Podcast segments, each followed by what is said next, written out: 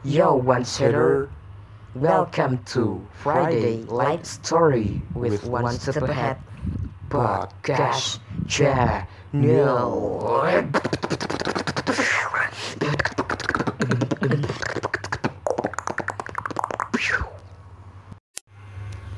Assalamualaikum warahmatullahi wabarakatuh.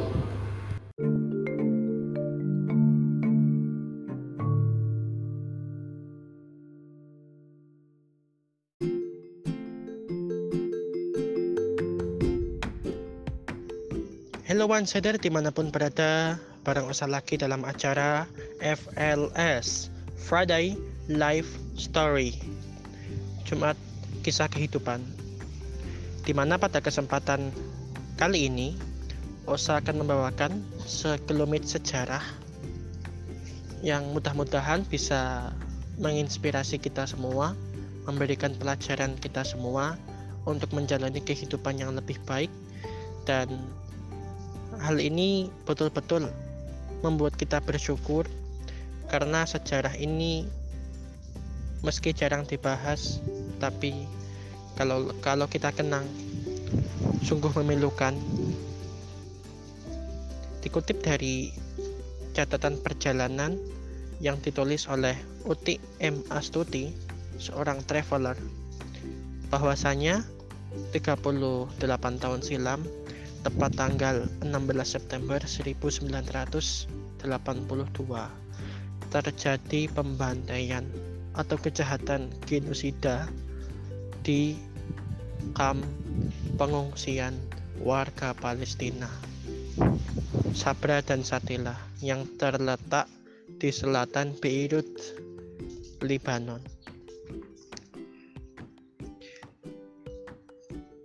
Tempat tinggal ini didirikan pada tahun 1949 menjadi rumah kedua bagi warga Palestina yang menghindarkan konflik antar Israel dan Palestina. Hal ini membuat mereka tenang menjalani hidup, dapat melangsungkan keturunan, menjalin kekeluargaan, dan selayaknya orang-orang pada umumnya di sini mereka tentram tinggal damai dan sejahtera. Namun suatu saat tepat 16 September 1982 ketenangan itu, kedamaian itu porak-poranda. Sebab sepasukan milisi Maronik yang diutus Zionis Israel. Sejak pagi hingga malam seharian penuh mereka membantai orang-orang Palestina di dalam Sabra dan Sadila itu menyeret orang-orang dari dalam rumah, membantai mereka di jalan-jalan, memenggal kepala, dan sejumlah kekejaman yang tidak dapat dilukiskan dengan kata-kata.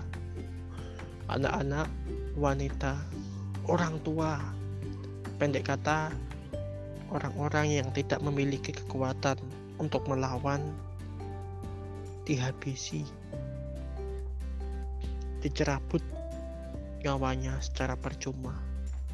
Seakan-akan pasukan itu sebagai malaikat maut yang menjelma. Dalang dari pembantaian itu Menteri Pertahanan Israel. Siapa lagi kalau bukan Ariel Sharon dunia murka. Pihak internasional merasa geram dengan pembantaian ini karena dipandang dari kekuatan sangat tidak seimbang pihak militer menyerang warga sipil yang tidak tahu apa-apa, yang tidak berkepentingan apa-apa, hanya karena mereka adalah warga Palestina. Apa salahnya mereka tinggal tenang di hunian tersebut? Apa salahnya mereka hidup tentram di Sabra dan Satila?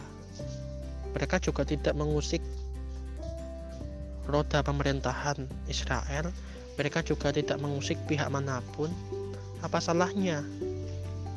Mereka tidak salah. Mereka hanya mempertahankan hidup di tempat yang lebih tenang, jauh dari konflik peperangan. Itulah ambisi seorang manusia yang kejam, Ariel Sharon. Tidak memandang siapa pun, asal orang itu adalah seorang Palestina dibunuh begitu saja dengan cara yang kejam dan tidak berperi kemanusiaan. Hal ini betul-betul membuat dunia berduka dan akhirnya diajukan sebagai kasus di mahkamah internasional. Namun entah rekayasa seperti apa dalang dari semua peristiwa itu masih dapat menikmati hidup tenang, justru beberapa tahun kemudian malah menjadi Perdana Menteri Israel. Sampai sekarang kasus itu masih diperdebatkan, masih dikontroversialkan. Kasus itu terhitung kejahatan genosida, kejahatan perang, Dari peristiwa tersebut, kita dapat belajar bersyukur bahwa kita masih diberikan Allah Subhanahu wa taala diberikan tempat yang aman, tentram dan damai. Kita masih dapat menjalani kehidupan dengan sebaik-baiknya tanpa terganggu, tanpa merasa was-was dan takut akan adanya konflik perang. Kita juga dapat belajar arti empati kepada mereka yang tertindas oleh kezoliman, menumbuhkan rasa belas kasih kita, ikatan persaudaraan kita sesama muslim, sesama orang-orang yang beriman, dan tentunya Hal ini menjadi cerminan bagi masa-masa mendatang bahwa setiap permasalahan itu tidak harus diselesaikan dengan cara-cara perang. Selama masih ada perundingan, selama masih ada diplomasi, sebaiknya lah dilakukan. Demikian one sider yang dapat kita sampaikan. Mohon maaf kiranya kalau banyak kekurangan banyak kekeliruan dalam penyampaian disebabkan kita masih sama-sama belajar. Lebih-lebih sejarah yang satu ini jarang sekali dibahas di publik jarang sekali didiskusikan. Semoga bermanfaat bagi kita semua dan semoga tidak terulang kembali kasus kemanusiaan yang seperti ini.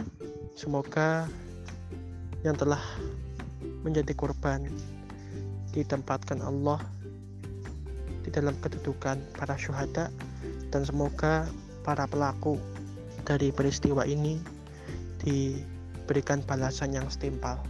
Amin, amin ya robbal alamin.